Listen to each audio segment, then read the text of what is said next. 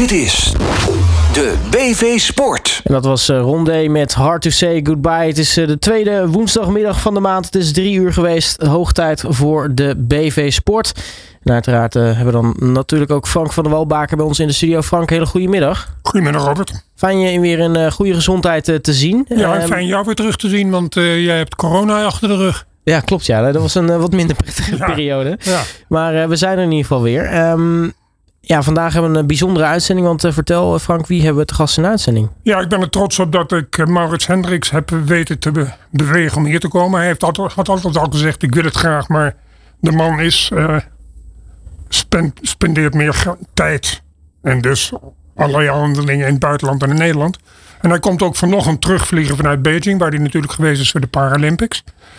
En moet natuurlijk vanwege het Oekraïne-Rusland gedoe moest hij nogal een omslachtige reis maken. En uh, hij heeft 36 uur onder, is hij onderweg geweest. Maar hij heeft het vanochtend gehaald via Istanbul.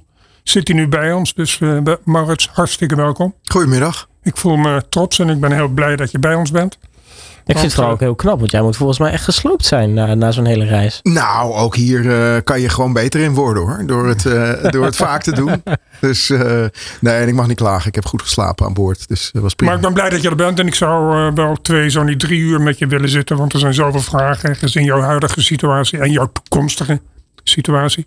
Maar goed, we gaan het trachten te beperken. Maar Robert, zoals gebruikelijk. Het laatste ik nieuws. met jou goed vinden met wat laatste nieuwtjes. Um, opvallend. Dus ik begin even bij Nieuw-Zeeland. Dat is niet waar je direct aan denkt als je het hebt over sport. Althans, als je het hebt over de All Blacks. Dan weet je waar je het over hebt. Rugby. De Nieuw-Zeelandse Rugbybond heeft de knoop doorgehakt. En een 5,7% van, het, van de bond zelf. En van de competitie verkocht aan het Amerikaanse private equity fonds Silver Lake. Voor 134 miljoen dollar. Plus nog eens 76 miljoen dollar later in het jaar waarmee het aandeel dan zal stijgen tot 8,5 procent. Het is allemaal een interessante ontwikkeling, waarin in dit geval dus wordt geïnvesteerd in het eigendom van een sport in deze, in een land, in plaats van in clubs, want dat kennen we al.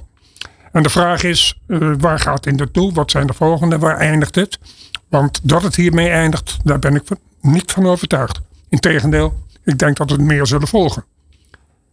En uh, om die vraag nog wat extra lading te geven, de private equity bedrijven CVC Capital Partners, niet onbekend. Hellman Friedman, ook niet onbekend. Oaktree Capital en Silver Lake, daar heb je het weer, hetzelfde Silver Lake.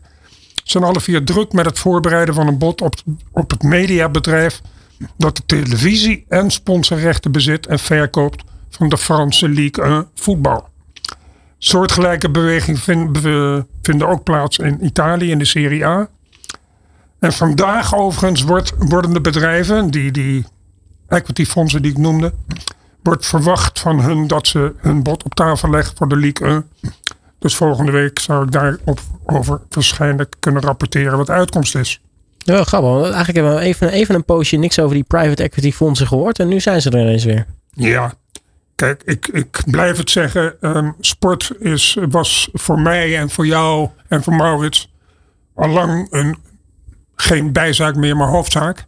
Maar je ziet nu dat bedrijven die zuiver en alleen handelen in het investeren van geld voor klanten en daar winst op willen maken.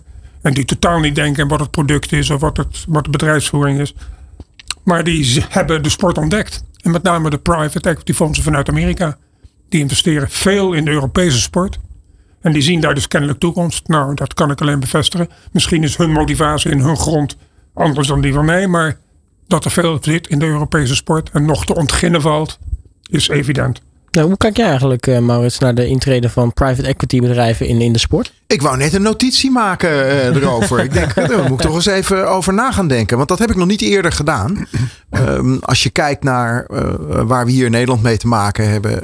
zowel bij de, de grote clubs als bij zeg maar de nationale sportorganisaties. Dan zien we daar dat verschijnsel helemaal nog niet.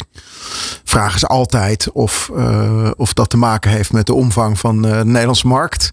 Uh, dus, dus ik denk ook niet dat je nu in één keer moet denken van nou dat zal bij Nederland ook wel binnenkomen. Zo, zo snel gaat dat over het algemeen niet. Maar het is wel iets wat, uh, waarvan ik denk nou daar wil ik toch wel graag wat meer van weten. Ja, Want sport is al- natuurlijk gewoon continu wel op zoek naar nieuwe partners. Hè? Omdat we allemaal zien ja. dat het traditionele model is, ehm, nou ja, dat is afgelopen. Ja, en je ziet dat in AZ zit al een 5% Amerikaanse investment. investment. En er, waren spra er was sprake van. Het is nu voorlopig even in de ijskast gezet. Maar er was sprake van een Amerikaanse partij die in Feyenoord was geïnteresseerd. Dus eh, er is wel al de eerste signalen zijn er. En ik ben het met Maurits eens. Nederland staat natuurlijk niet hoog op de verlanglijst van die bedrijven. Engeland bijvoorbeeld staat veel hoger. Maar dat Nederlandse sport, eh, zeker gezien de reputatie van Nederland als sportland, waar Maurits een belangrijke bijdrage in heeft geleverd, eh, die is zeker. Dus hoe zit het eigenlijk met die Amerikaanse partij die in ADO heeft geïnvesteerd? Is dat ook een private equity bedrijf of is dat iets anders? Nee, dat is geen private equity bedrijf, dat is een investeerder. Maar ja, waar, waar zit het verschil op een gegeven moment? Ja, Zo'n man doet het ook om geld te verdienen. uiteindelijk wel. En wat ik een hele interessante ontwikkeling vind, en dat zal Maurits ook onderkennen. Ehm, vanochtend werd bekend dat Apple, nou niet het eerste de beste merk natuurlijk in de wereld, heeft zijn eerste sportrechtendeal gesloten. En niet met de eerste de beste partij, eh, met de Major League Baseball in Amerika. En ze hebben de rechten verworven voor een pakket aan live wedstrijden. Voor maar liefst, liefst negen gebieden: Australië, Brazilië, Japan, Mexico, Puerto Rico, Zuid-Korea, Verenigd Koninkrijk en de Verenigde Staten en Canada. Nou, daar zitten behoorlijk wat honkballanden bij. Zeker. Uh, het, is, uh, het is een deal voor een pakket van live wedstrijden. Voor Apple TV Plus. Vanaf het komend seizoen. En neem van mij aan, en van velen ongetwijfeld, dat dit niet de laatste deal zal zijn die Apple doet in de sport. Want een tweede partij die ook in de sport zeer nadrukkelijk aanwezig is, en dat heeft erg veel voordelen in mijn ogen, dat is uh, TikTok. Nou, uh, iedereen kent het intussen, dat, uh, dat platform. Wat met name zich richt op jeugd. Maar heeft een miljoenencontract gesloten met de Pakistan Cricket Board voor het hoofdsponsorschap. Dus niet alleen de rechten, maar ook het hoofdsponsorschap van de komende testserie tussen Pakistan en Australië. En na eerdere deals van TikTok met UEFA, met rugby in uh, het Verenigd Koninkrijk en de National Hockey League in Amerika, is dit uh, de vierde stap die zij doen in de sport. En wat is nou zo het interessante daarin, vind ik? Niet alleen dat het een nieuwe mediapartij is, wat altijd interessant is voor de rechten, want die zullen weer omhoog gaan. Maar wat ook interessant is, of wat meer interessant is nog, de sport in het algemeen leidt aan vergrijzing. Nou, TikTok is een medium dat met name door de kortheid van de filmpjes gericht is op de jeugd. En de sport heeft jeugd nodig. Niet voor niets zijn alle sporten bezig met nieuwe nummers te introduceren in hun programma.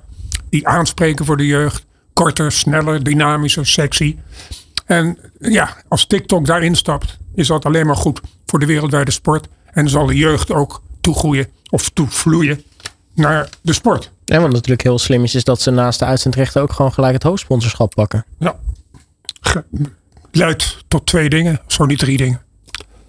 Een geheel andere ontwikkeling, en dat is ook een interessante, vindt plaats in de internationale golfwereld.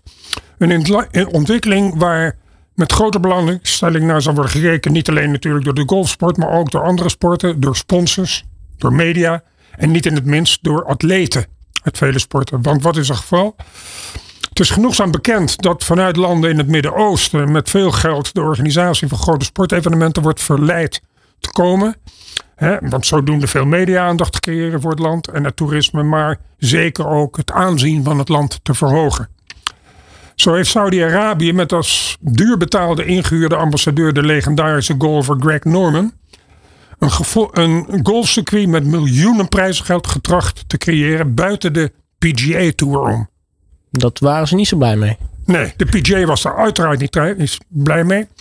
En in eerste instantie leek het erop dat de sterren, natuurlijk vanwege die miljoenen dollars prijzengeld, interesse hadden. Maar uiteindelijk zijn de grote namen, en ik noem er een paar: Dustin Johnson, Rory McIlroy, Tiger Woods, Justin Thomas. Nou, dat zijn niet de eerste de beste golfers. Zijn overstag gegaan en hebben hun commitment gegeven aan de PGA Tour. Dus die mannen die wijken niet voor het grote geld. Extra pikant is dat die toch geen kleine, de, niet kleine jongen Phil Mickelson, is weliswaar al ouder, maar nog steeds een hele goede golfer. Had zichzelf al ingeschreven voor die Saudi Tour. En eh, hij lijkt nu alleen te staan, want de anderen wijken dus af. Eh, en hij noemt de PGA een dictatoriaal bewindvoerder. Maar wat is de consequentie voor hem? Drie van zijn grote sponsors, KPMG en Amstel en Callaway, hebben alle drie hun contract opgezegd met hem vanwege het feit dat hij afwijkt van de PGA Tour. En dat zal met name door veel sporters worden gezien als een signaal van niet alleen maar gaan voor het grote geld. Blijf je sporttrouw waarin je veel verdiend hebt, waarin je groot bent geworden. Maar is het dan echt voornamelijk zeg maar, het eh, niet eh, buigen voor het grote geld? Of toch ook wel een klein beetje angst uit eh, de consequenties die de P- PGA dan op tafel legt? Ongetwijfeld zal het ook een rol spelen. Maar ik vind het een goed verschijnsel, want men is gauw geneigd te zeggen: het grote geld gaat overheersen in de sport.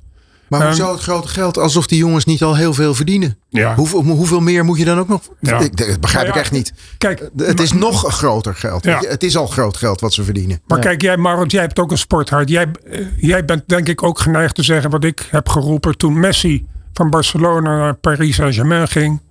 Had hij eigenlijk moeten zeggen wat hij wilde bij Barcelona blijven. Die zat, zat in de financiële problemen. Had hij moeten zeggen, jongens, ik voetbal een jaar voor niets. Ik heb geld genoeg.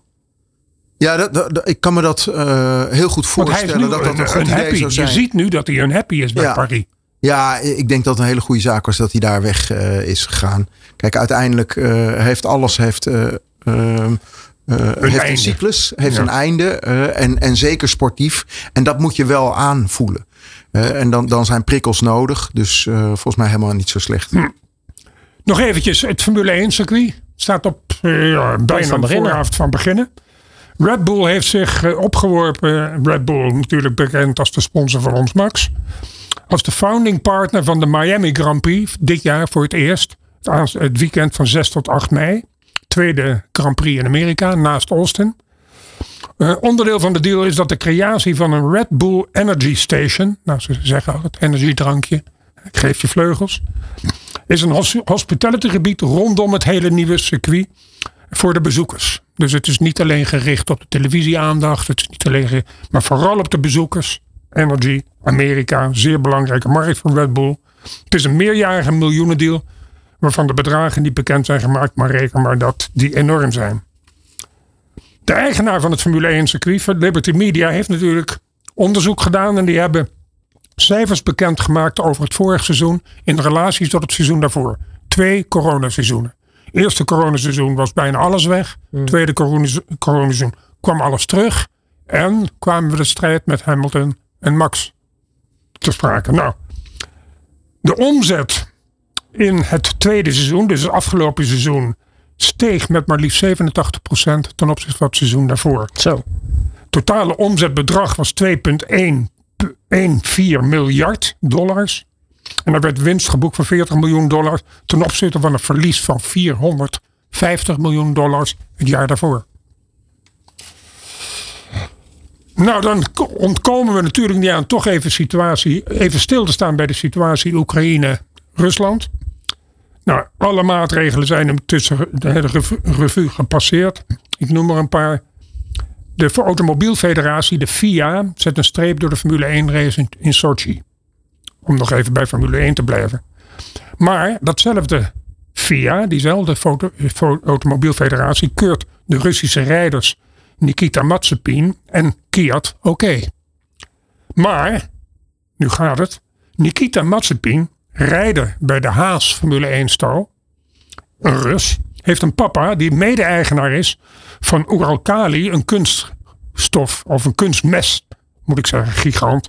En is hoofdsponsor van het Haas Formule 1 team en behoort tot de in-crowd van, van, eh, van Poetin. Haas Sport of Haas Formule 1 team heeft onmiddellijk de sponsorschap opgezegd, de logos van de auto verwijderd en meneer Mazepin op straat gezet. Dus de Automobielfederatie, als een van de weinige bonden overigens die ik ken op dit moment in de sport, keurt de atleten nog goed. Maar de stal zelf zegt wegwezen. UEFA had een, gas, een Gazprom-contract van 50 miljoen dollar per jaar. Ze hadden de finale Champions League toegewezen aan Sint-Petersburg.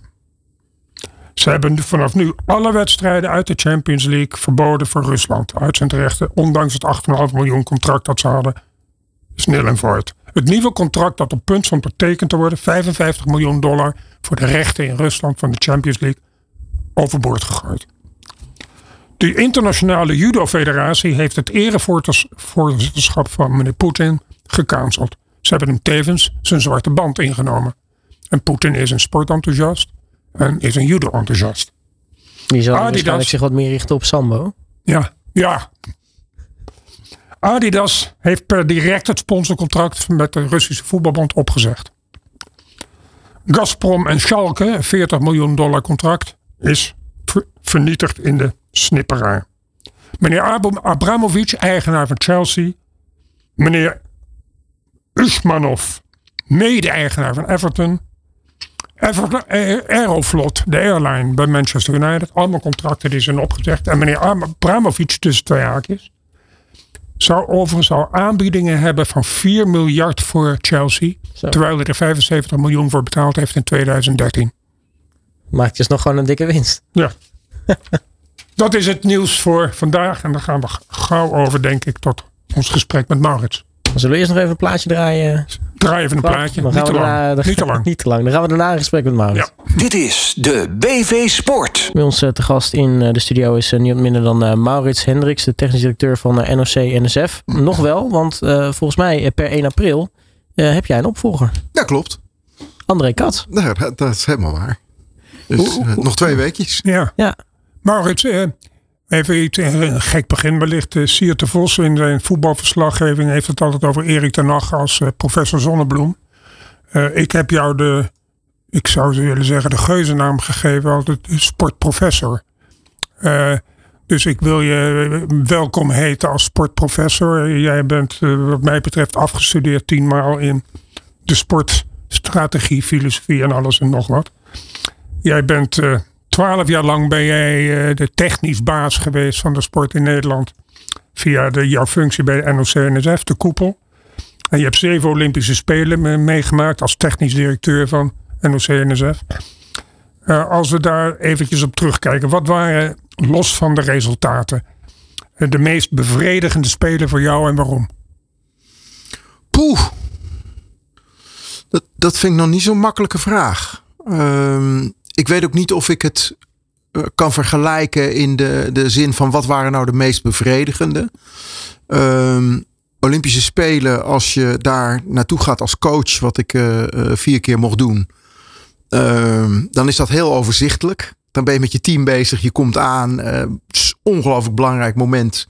Zo niet het belangrijkste moment, prestatiemoment voor, voor je ploeg. Eh, en dan ga je gewoon eh, aan de slag. En dat is altijd wel een beetje complexer dan een WK-hockey. of in onze tijd een Champions Trophy, Frank.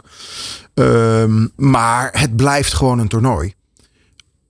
Als je leiding hebt over de totale ploeg, dan kom je in een geheel ander krachtenveld eh, terecht. Allereerst zijn de belangen van de ene sport zijn niet altijd de belangen van de andere sport. Ehm, ik hoef natuurlijk eh, niet toe te lichten dat eh, het ook een strijd tussen landen is. Kijk naar de medailleranking. Hè. Dus ook daar heb je tegengestelde belangen. Het is in toenemende mate is het, zijn die spelen, ik denk in de afgelopen decennia, in een geopolitiek speelveld terechtgekomen. Daar heb je mee te maken.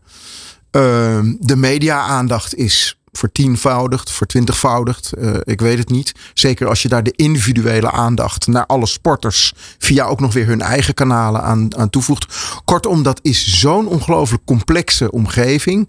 Dat eh, ik niet zozeer kijk in woorden als bevredigend, maar wel. ehm, ja, welke, welke zijn we met, eh, ik zou bijna zeggen, met de minste kleerscheuren scheuren doorgekomen? Eh, en dat is, eh, ik merk wel, het wordt elke keer eh, ingewikkelder. Ehm, vorig jaar hadden we Tokio, dat is natuurlijk uniek, hè, dat je binnen zes maanden twee spelen had. Beijing was weer ingewikkelder. En natuurlijk speelt corona een rol. En natuurlijk speelt de verschrikkelijke oorlog in Oekraïne een rol. Waardoor die complexiteit ook daar toeneemt. Maar ik zie het de afgelopen twintig jaar. Zie ik het bij elke speler. Het wordt steeds ingewikkelder. En de valkuilen waar je in kan stappen. En de dingen die mis kunnen gaan. Ja, dat is echt elke dag 24-7 eh, heel goed opletten met elkaar. Als ik het heb over jouw ambitie, hè, die je nooit onder stoel of bank hebt gestoken, structureel tot de beste tien landen van de, in de sport ter wereld eh, te behoren. Um, in Tokio waren we nummer zeven. En, en ik meen nu in Beijing nummer zes op de medailletabel. Uh, een vraag even over het woord ambitie. Is het woord ambitie wel het juiste woord? Want op ambitie word je niet afgerekend. En op doelstelling word je wel afgerekend. Is doelstelling niet een veel beter woord dan ambitie? Nou ja, voor mij maakt het eh, echt helemaal niets uit. Uh, ik, ik, ik vind dat echt uh, semantiek. Ik snap dat dat voor sommige mensen een verschil maakt. Ik heb jarenlang de columns van Tom Boot in de Telegraaf gelezen. Die vindt datzelfde. Die zeggen ja. ambitie, ambitie. Voor mij maakt dat helemaal niets uit. Nee, maar vooral omdat wilde, het woord ambitie zoveel wordt gebruikt in sport. Ja, dat, dat, dat kan zijn. Hè? Maar uiteindelijk is dat wat we nastreven dan, Frank, laat ik het zo zeggen. Dat is klip en klaar. En dat is gewoon bij de allerbeste beste sportlanden van de wereld horen. Um, en daar hebben, we, uh, daar hebben we hele grote stappen in gemaakt. Ja. Je hebt ook eens gezegd in een interview dat je het woord tevreden bij is, past niet bij jou. Ja. Past ook eigenlijk niet bij de sport. Ligt dat dus toe?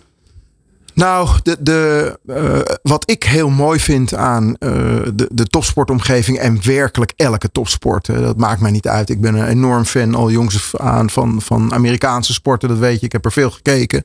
Ik ben een fan van Olympische sporten. Uh, ik ben een enorme fan geworden, ook van Paralympische sporten, die ik slecht kende voordat ik met deze baan begon. En overal waarom is dat, is dat een omgeving die mij elke dag weer met enorm veel energie laat opstaan? Omdat uh, uh, het er daarom gaat. Elke keer moet je weer beter. Uh, en zelfs als je wereldkampioen bent geworden, dan weet je, dan wordt jij gejaagd, dan weet je, het moet weer beter. En dat is, ehm, ja, dat, dat laat natuurlijk een, een gevoel van tevredenheid niet toe. Tevreden is, eh, wat mij betreft, echt achter de geraniums gaan zitten. En zeg je, nou, haha, we zijn wereldkampioen geworden. Nou, dan weet je één ding zeker, Frank. Dan word je de volgende keer niet. Um, jouw functioneren in Papendal, heb je voldoende ruimte gekregen om jouw doelstelling in te vullen? Heb je te weinig ruimte gekregen jouw doelstelling in te vullen? Of ben je helemaal tevreden over hoe het gegaan is? Nee, zeker niet. Uh, maar daar kom je weer met dat woord tevreden. Uh, maar goed, dat, ik, dat ben ik ook werkelijk niet. Omdat we, we hebben prachtige dingen uh, begeleid. En als ik zeg we, hè, dan praat ik over de sportbonden in Nederland. Als ik zie hoeveel sportbonden in de laatste 15 jaar naar echt een ander niveau zijn gegroeid. met een veel nadrukkelijker uh, beleid, uh, veel meer competenties uh, aanwezig, goede mensen binnen die bondzettingen. Daar zijn er nu een aantal van. eentje jou zeer bekend, Watersportverbond. Dat is van incidenteel presterend naar structureel presterend gegaan. Uh, en waardoor is dat? Natuurlijk hele goede zeilers, maar die hebben we eigenlijk altijd wel gehad. Maar het lukt ook het Watersportverbond om elke keer die talenten te laten doorstromen. Terwijl dat niveau steeds hoger komt te liggen. En dan praat je over structureel wat is jouw aandeel geweest in die winst bij die sport? Dat mogen anderen uh, ver, verzinnen. Daar, daar, ga ik zelf niet uh, over praten. Okay. Jij zei, ben ik tevreden? Nou, nee. Ik, ik zie dat er hele grote stappen gezet zijn. Hè. Ik vind echt dat we in Nederland, nou, ik denk inmiddels een een model hebben, laat ik dat woord maar gebruiken, wat misschien wel uniek is in de wereld. Ik denk ook best wel dat er steeds meer landen uh, hier is uh, naar binnen willen kijken. Hè? Van ja, waar, hoe kan dat dan? Maar er zijn ook een aantal dingen gewoon niet gelukt. Hè. Ik heb de volle overtuiging gehad dat deze stappen die waren haalbaar. Daar hebben we uh, prachtige mooie dingen kunnen bereiken. Maar ik denk dat voor de toekomst uh, de autonomiteit van die Team NL-setting, van die Nederlandse topsport, vergroot moet worden. En dat verhoudt zich niet meer tot een verenigingssysteem. Uh, en dat is NOC-NSF. NOC-NSF is een vereniging, heb ik altijd gezegd. Ik denk dat je niet uh, uh, met een democratische besluitvorming topsport kan blijven runnen. We zijn heel ver gekomen. Met dank ook echt wel aan een aantal mensen in Nederland die me daar enorm gesteund hebben. En dan heb je het over bondsdirecteuren, mijn eigen directeur Gerard Dielissen, Erika Terpstra aan het begin. Die echt zei, Maurits, doe maar, doe maar, ga maar. Ehm, maar dat model is, uh, is uiteindelijk voor de lange termijn niet houdbaar. daar moet een andere governance op komen. Daar moet een veel bedrijfsmatigere uh, management, zo je wil. En dat, ja, dat, dat lukt niet in een vereniging. Dat had ik heel graag gewild. Heb ik ook daar neergelegd meerdere keren. Nou, dat is niet gelukt. Zo zijn er vast nog wel meer dingen te noemen. Uh, waarvan uh, ik het mooi zou hebben gevonden als die, uh, als die ook ontwikkeld waren. Is de, de combinatie NOC enerzijds, NSF anderzijds dan wel de juiste basis? Nou, de, de, ik vind dat helemaal geen reële vraag meer. Dat, dat, dat is 35 jaar geleden tot stand gekomen. En NOC-NSF is een prachtige organisatie geworden. Is ook echt de koepel, de brancheorganisatie voor de sport. Uh, dus ik, ik, denk dat die vraag, daar zijn we echt al, al, kilometers uh, voorbij. De vraag die er nu ligt, heeft niets te maken met NOC of NSF. Maar die heeft te maken of zo'n koepel, zo'n brancheorganisatie. die zich bezighoudt vooral met de ontwikkeling van sport. met participatie, met relaties ook met gemeentes en noem maar op. Of zich dat verhoudt tot een hele. Uh, andere dynamiek die nodig is om topsport te leiden. Dus Team NL zou je, wat mij betreft, iets meer mandaat moeten geven. Wel onder NOC-NSF, want dat is prachtig. Het is echt een prachtige organisatie, een mooi instituut, denk ik, in Nederland. Moeten we niet kwijt. Uh, maar wel echt wat meer uh, loskoppelen van, van, die, van die werkorganisatie. Uh, je geeft complimenten aan het instituut NOC-NSF. die kan ik niet anders dan delen. Maar wat is dan eigenlijk de functie bij een redelijk anoniem lichaam, maar dat wel gezag claimt, de sportraad? Tja. Um, nou ja, kijk, als je uh, kijkt naar hoe het totale uh, systeem in Nederland werkt, dan is hoe dan ook belangrijk dat er wel checks en balances in zitten.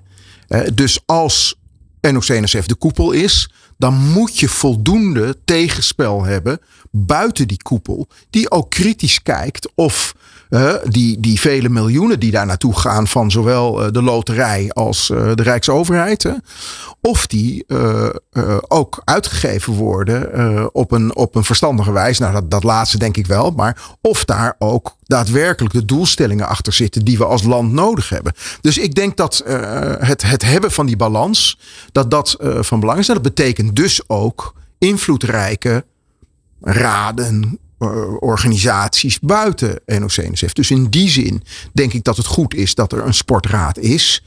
Um, ik heb meegemaakt uh, van heel dichtbij hoe hun uh, rapport tot stand is gekomen. Nou, daar waar het de sport betreft, kan ik dat heel goed volgen. Daar waar het topsport betreft, zag ik dat ze er weinig kaas van gegeten hadden. Daar een soort van raad van toezichtstructuur eigenlijk. Wat je nee, dat denk ik niet. Want uh, dan, dan, dan koppel je ze weer aan NOC-NSF en dan zet je ze boven NOC-NSF. Dat moet je niet doen. Hè? Dan, dan sla je dat ook dood. Maar juist uh, uh, in, in het op zoek zijn naar zeg maar, de balans in het speelveld. Uh, is het goed dat er uh, zo'n orgaan is. Wat gewoon ook kritisch kijkt. Niet alleen naar NOC-NSF. Maar wat kritisch kijkt naar hoe in Nederland uh, de sport geleid wordt. Dus dat, dat, dat vind ik echt een hele gezonde vaststelling. Los van het geld dat uit Den Haag komt. Kan altijd meer. Maar doet, doet of beseft Den Haag genoeg over de plaats van sport in onze samenleving. Hè, die gegroeid is van bijzaak naar hoofdzaak. Krijg jij als technisch directeur het gevoel van ik word volop gesteund door Den Haag. Nogmaals, los van het geld. Ja, um, veel beter dan voorheen. De, de relatie met uh, in ieder geval met een aantal leden in het kabinet, uh, maar ook met het ministerie, met VWS, is enorm gegroeid over de laatste jaren. Vind ik echt heel krachtig. Ze kijken hoe, we, hoe snel we bepaalde dingen op kunnen lossen, hoe snel we kunnen schakelen echt, echt hele, hele sterke uh, samenwerking. Die ook op weg is naar hetzelfde doel, zie ik. Dus in dat opzicht, uh, ja, als ik kijk naar de ondersteuning van de topsport, dan uh, is dat enorm gegroeid vanuit de Rijksoverheid. Hè. Dus het is de nummer één financier van topsport geworden, buiten de, de commerciële sporten. Um, daar is door het kabinet heel veel extra geld ingestoken. Dat is een goede zaak. Alleen het is geen groeimodel.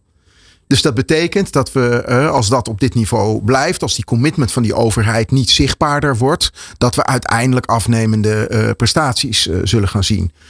dus, dus dat is wel een oproep waarbij je zegt van jongens, als we dit voor Nederland belangrijk vinden, dan moet je een langere termijn visie hebben op hoe je die overheidsondersteuning van die topsport gaat garanderen. En nu is het elk jaar weer een kruisje slaan en kijken hoe we eruit komen. En nou is dat best wel stabiel, maar uh, ik zou zeggen, uh, daar, daar hebben we echt een punt op de horizon nodig. Als je kijkt naar participatie, niet direct uh, mijn vak, maar in die zin, ik ben gewoon coach bij een hockeyclub van mijn kinderen. maar ja, daar lukt het de overheid niet om de, zeg maar de, de conclusies die we allemaal zo makkelijk trekken over hoe belangrijk het is uh, om uh, kinderen meer te laten bewegen. Om kinderen met veel meer sporten in aanraking te brengen. Uh, met veel plezier, zodat ze ook een leven lang blijven sporten. We hebben het hoe lang al niet, Frank, in Nederland over het aantal uren ehm, lichamelijke opvoeding op school. Iedereen is het erover eens, de laatste 15 jaar al. Hè? maar er gebeurt niks. Dus daar zie je dat de, de, de werkelijke commitment, het staat ook niet in het regeerakkoord. Dat vond ik echt een teleurstelling. Nog die, die, die uh, ontwikkeling van die topsportpositie van Nederland. Of misschien zelfs wel een evenement. Hè? Uh, nog hele concrete doelen als het gaat om uh, beweegnormen voor kinderen. Staan er gewoon niet in. Dus ja, dan, dan kan je er van alles van vinden. Maar dat is natuurlijk toch jammer. we hebben het ministerie van VWS. De S staat voor sport, staat een derde plaats moet sport niet dominanter zijn? Moet er niet een minister van sport komen met een eigen departement? Of? Nee, dat vind ik echt geneuzel. Uh, weet je, ik hoor dat, ik hoor dat met regelmaat uh, uh, komt dat weer eens langs. En alsof we dan in één keer heel veel dingen gaan winnen als we een minister van sport hebben. We hebben een sterke bewindspersoon nodig in het kabinet. Maar ben jij dat niet? Nee, want ik ben tot nu toe uh, altijd apolitiek gebleven, uh, ja, Frank. Dat is, een, dat is een keuze. Tot nu toe. Ja, goed, daar kunnen we het straks misschien over hebben. Nee, maar dat, dat, kijk, we hebben hele goede bewindspersonen gehad. Ik heb uh, best nauw samengewerkt met Edith Schippers. Sterke bewindspersoon. Had een voorname positie in het kabinet. Dat merk je. Daar komen uiteindelijk ook die verbredingen van die ondersteuning in de topsport. Die komen ook toch daar vandaan. Dus het gaat om de, de positie die uh, er via de bewindspersoon is in het kabinet. Nou, dat is met VWS altijd een sterke positie, want dat is één van de grootste departementen en de belangrijkste departementen, waar in ieder geval het meeste geld naartoe gaat. Dus ik denk dat we er helemaal niet veel mee winnen om daar een aparte minister van Sport, die vervolgens in die hele rij van het kabinet niet veel voorstelt. Laten we eerlijk zijn. dus dat, daar verliezen we eerder mee dan dat we daar uh, mee winnen. Uh, wat wel van belang is, is nogmaals, is dat er die beleidshaakjes zitten in het regeerakkoord, uh, uh, binnen de richtlijnen die, die er gelden. En ook met uh, de inspanningen van de sportraad. Hè, had ik een beetje gehoopt dat dat dan in ieder geval zou leiden tot. Ja, stel ik vast dat dat mondjesmaat gebeurd is in het regeerakkoord. Terwijl iedereen zei na corona, weet je, we moeten sport veel meer integraal onderdeel maken van de opvoeding van kinderen. Niet gebeurd. Uh, eventjes met je goed vinden terugkijkend op jezelf. Uh, als je terugkijkt, waar ben je nou het meeste trots op? Um, nou, uh, toch wel dat we. Dat we, we zijn echt een heel bijzonder topsportland geworden. Uh, daar waarbij we, uh, denk ik, uh, twintig jaar geleden kritisch waren op onszelf. We zouden de mentaliteit niet hebben. De Duitsers waren altijd mentaal sterker, las je in die tijd. Ehm, we deden in de grote sporten, las je ook wel eens, hè, deden we niet mee. Alleen maar in kleinere Olympische sporten ja, als je daarnaar kijkt uh, en je kijkt naar. Uh, en dat heeft, heeft niks te maken met, met, met mij of met, met onze organisatie. Dat gaat echt over de topsport in Nederland. Inclusief uh, misschien zelfs wel Formule 1 of het professionele voetbal.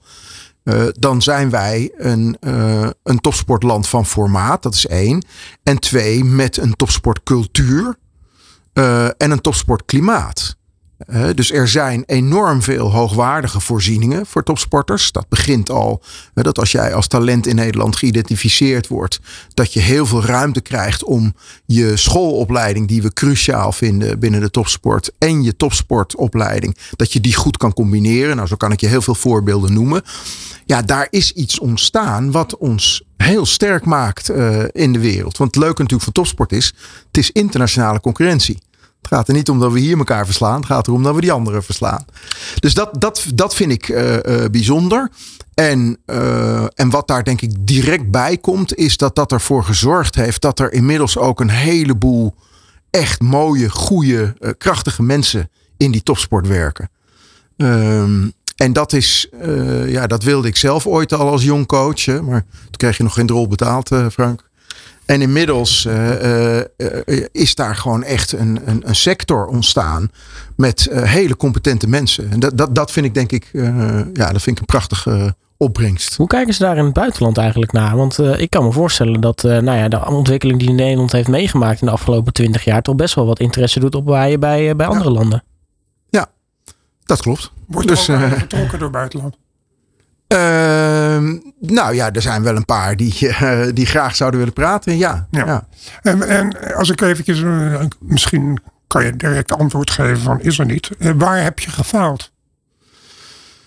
Nou, de, die lijst is ongetwijfeld ook heel lang. Um, de um, topsport heb ik eerder geschetst over als je kijkt naar die spelen, hoe complex dat is geworden. En um, ik denk dat we heel hard gewerkt hebben om op al die verschillende facetten expertise in huis te krijgen. Als je bijvoorbeeld duale carrière noemt, hè, waar ik het net over heb, dat we het belangrijk vinden dat jonge talenten een onderwijstraject volgen naast het topsporttraject. Hè, iets waar het in het voetbal echt niet goed is gegaan. Um, dan, dan denk ik dat dat in heel veel facetten gelukt is, maar in een aantal ook gewoon niet. En uh, dan heb je het over uh, het ontwikkelen van werkelijk voldoende steun voor die duale carrière, voor tegelijkertijd. in Engels wordt dat omschreven als de duty of care. Hè. Op het moment dat je op jonge leeftijd veel gaat vragen, dan moet je zorgen dat daar een hele verantwoorde omgeving is. Wij zeggen tegenwoordig omschrijven we dat als wat willen wij in Nederland? We willen heel graag jonge sporters verantwoord opleiden om ze uiteindelijk eervol te laten presteren. Nou, daar, daar werken we hard aan, maar ik denk dat je uh, uh, daar eigenlijk ook nooit genoeg aan doet. Dus om dat, om dat echt beter te krijgen, om ook duidelijk genoeg te zijn in wat houdt dat dan in, duty of care? Wat, wat, wat hebben we dan nodig? Wat voor, en bij wie ligt dan die verantwoordelijkheid? Uh, alleen al het feit dat die vragen nog onvoldoende beantwoord zijn. Ja, dat is, dat is, uh, dat vind ik jammer. Dat had beter, uh, daar hadden we op een hoger niveau moeten staan al. Klopt het als ik zeg dat jij liever uh, meer aandacht en geld geeft aan medaillekansen dan aan meedoen? Uh, ja en nee. De, uh, de essentie van topsport is willen winnen. Uh, alleen, iedereen weet dat ook de grote kampioenen vaker verliezen dan ze winnen. En ook in hun hele leven vaker verloren hebben dan ze winnen. En heb je het over de allerbeste. Uh, laat staan iemand die daar heel hard aan werkt en er net niet komt. Uh, wat je niet kan doen, is de impuls om te winnen weg te halen. Wat je wel moet doen, is ervoor zorgen dat de basis uiteindelijk steeds breder wordt. Dus in die zin uh, klopt het niet. Er zijn mensen die uh, toen ik begon en, en dat die ambitie omschreef in de studie top 10. die dachten van ja, dat betekent dat hij alleen maar acht sporten wil financieren. Nee, dan heb je het niet goed gelezen. en wat je inmiddels kan zien is dat waarom is Nederland gegroeid? Niet alleen omdat die sporten waar we historisch al zo goed in waren, het goed blijven doen. Maar dat er een heleboel sporten bij zijn gekomen. Dus dat die basis van dat succes, die is enorm verbreed. En die zal ook de komende jaren verder verbreed worden. Um, en, en dat betekent dat je juist sporten erbij betrekt. Omdat soms, Frank, die, die, dat vanaf het moment dat je begint tot het moment van presteren. Shorttrack is een mooi voorbeeld. Daar zijn we in Nederland in 2006 mee begonnen. Met een serieus programma. en dat leverde in 2014 zijn eerste medaille op. Ja. Weet je, dus dat is nog een makkelijk voorbeeld. Een ander voorbeeld, wat, wat ook ongetwijfeld door jou beaamd zal worden. de Nederlandse atletiek. Ja. ja, nou dat is een van, de, van die voorbeelden van een, een mondiaal hele grote sport. Hè, waar we um, ja, waar we eigenlijk niet heel succesvol waren. We, hebben, we moeten echt met een vergrootglas kijken in de geschiedenis. Hè? En dan kan je één of twee uh, ja, medailles. 92 nou ja, precies. die komt er dan altijd naar boven. Ja. En inmiddels is daar um, door toch ook al wel heel lang. Daar wordt echt al 12 tot 14 jaar wordt daar wordt daar heel serieus gewerkt met een, uh, met een heel volwaardig programma in, uh, in Papendal. Uh, hebben die de aansluiting gevonden met, met de absolute wereldtop. Dus dat, dat zijn trajecten waar je bij sporten, waar een, dat noemen we een hele grote prestatiedichtheid is. Dus waar het niveau echt hoog is. En verschil tussen die podium en niet podium is maar heel klein. Ja, daar doe je, daar doe je 15 tot 20 jaar over. Ja. Nu even een, een, hele moeilijke vraag waarschijnlijk, maar waar je zeker over na wilt of moet denken. Wat is nou in jouw tijd de mooiste gouden medaille die gewonnen is door Nederland? Ja, ik snap dat je dat soort vragen stelt, maar die ga ik nooit beantwoorden. Ehm, en dat heeft uh, te maken met het feit dat uh, het, het mooie, maar ook het lastige van deze baan is dat je, je zit bij al die sporten er behoorlijk diep in. Uh, dus je komt in de kleedkamer. Uh, je spreekt de coaches. Je spreekt de sporters. Nou, dat hoef ik jou niet te vertellen. Daar komt alles langs. de mooie dingen.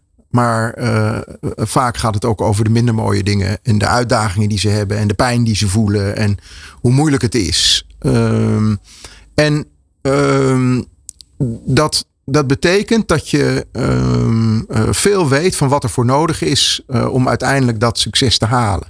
Dan ga je daar nooit een keuze tussen maken.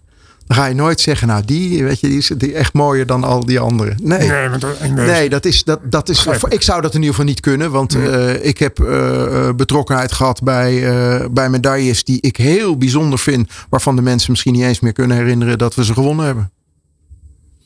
Dan iets heel anders en even een andere inrichting uit. Wat, wat is volgens jou de, met de enorme ontwikkelingen die dagelijks gaande zijn in de sport? Wat is het grootste gevaar voor de sport op dit moment?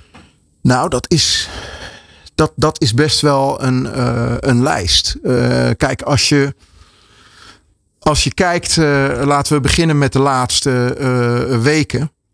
Ehm, dan heeft die, die verschrikkelijke inval van Rusland in Oekraïne, die heeft ook de topsportwereld en de sportwereld op zijn kop gezet.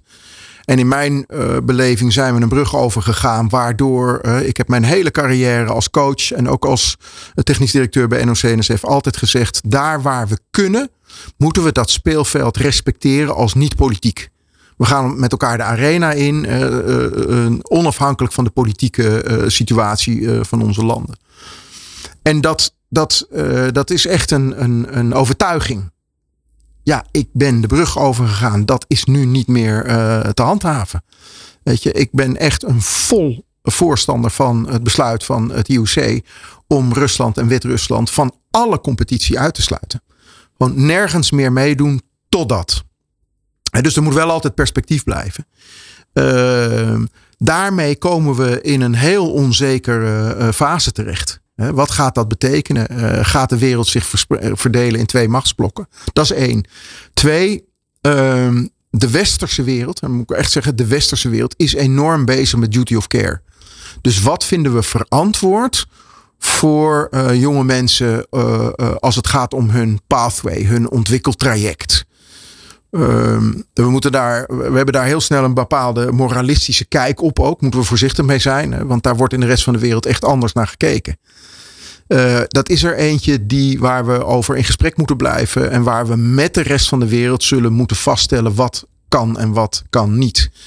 Ik ben in Beijing heel veel bij die Valjeva geweest.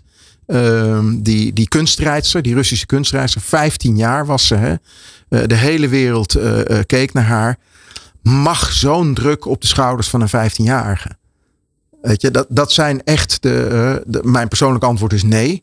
Maar dan zal je dus die minimumleeftijd omhoog moeten trekken. Dat is er eentje. Uh, de derde uitdaging die ik zie is uh, de topsportwereld, net zoals de rest van de samenleving, digitaliseert heel snel. En daarmee individualiseert die heel snel. En dat betekent dat we nu al te maken hebben met sporters die bijvoorbeeld in een, in een professioneel team spelen. Die uh, s s'morgens zich bij de trainer melden. Uh, en vroeger deed je dan gewoon wat de trainer zei. Maar die komen nu binnen. En die hebben zo'n pak analyse uit India binnengekregen. Van hun prestatie. Met zo'n rijtje van trainingsdoelen. En die gaan meer en meer hun eigen trainingsroute volgen. En niet meer dat wat de coach zegt. Dat is een, uh, ik, ik chargeer het bewust iets. Dat is gaande dat is echt een enorme uitdaging. Ik kan er nog vijf noemen hoor, Frank. Maar die tijd hebben we niet. Ik zou nog een uur door kunnen gaan met je. Maar ik wil, ik wil, we ontkomen niet aan de laatste vraag. Uh, waarop je waarschijnlijk ontwijkend antwoord zou geven. Maar wat ga je doen? Uh, nou, ik ga een keuze maken. Ik heb, uh, wat zijn er? Op dit moment zijn er zeven dingen die ik, heb ik mooi een Excelletje van gemaakt, Frank.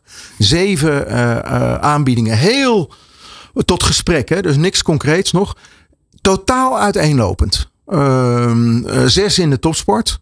Uh, en, en niet alleen in Nederland. Zit, voetbal daarbij? Ja, dat zou bijna raar zijn als dat niet zo was. Oké. Okay. Uh, ja. Uh, en dat, dat, uh, daarvan heb ik gezegd, tot 1 april ga ik er niet eens met jullie over praten. En ga ik er ook niks over zeggen.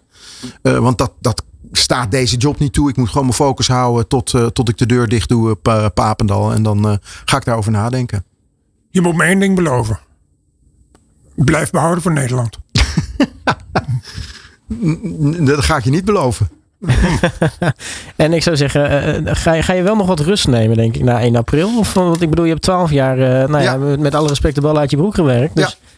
Ja. Nou, dat is, dat, is een, dat is een van de afwegingen. Dat zou ik heel graag doen, ja.